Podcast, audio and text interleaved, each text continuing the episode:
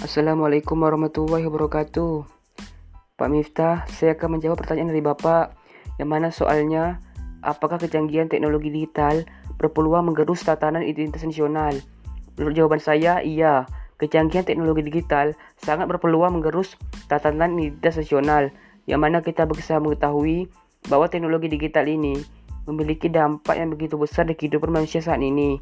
Teknologi digital juga memiliki dampak positif maupun negatif yang bisa memengaruhi perkembangan perilaku, budaya, dan identitas suatu bangsa, termasuk bangsa Indonesia. Dampak positif dari teknologi digital untuk bangsa kita sendiri, yaitu kita bisa mengetahui informasi ataupun pengetahuan yang sebelumnya kita tidak tahu menjadi tahu. Sedangkan dampak negatif dari teknologi digital yaitu sebagian masyarakat mengikuti gaya hidup orang barat dari kebiasaannya dan mengikuti budaya asing tidak sesuai dengan kita di bangsa Indonesia.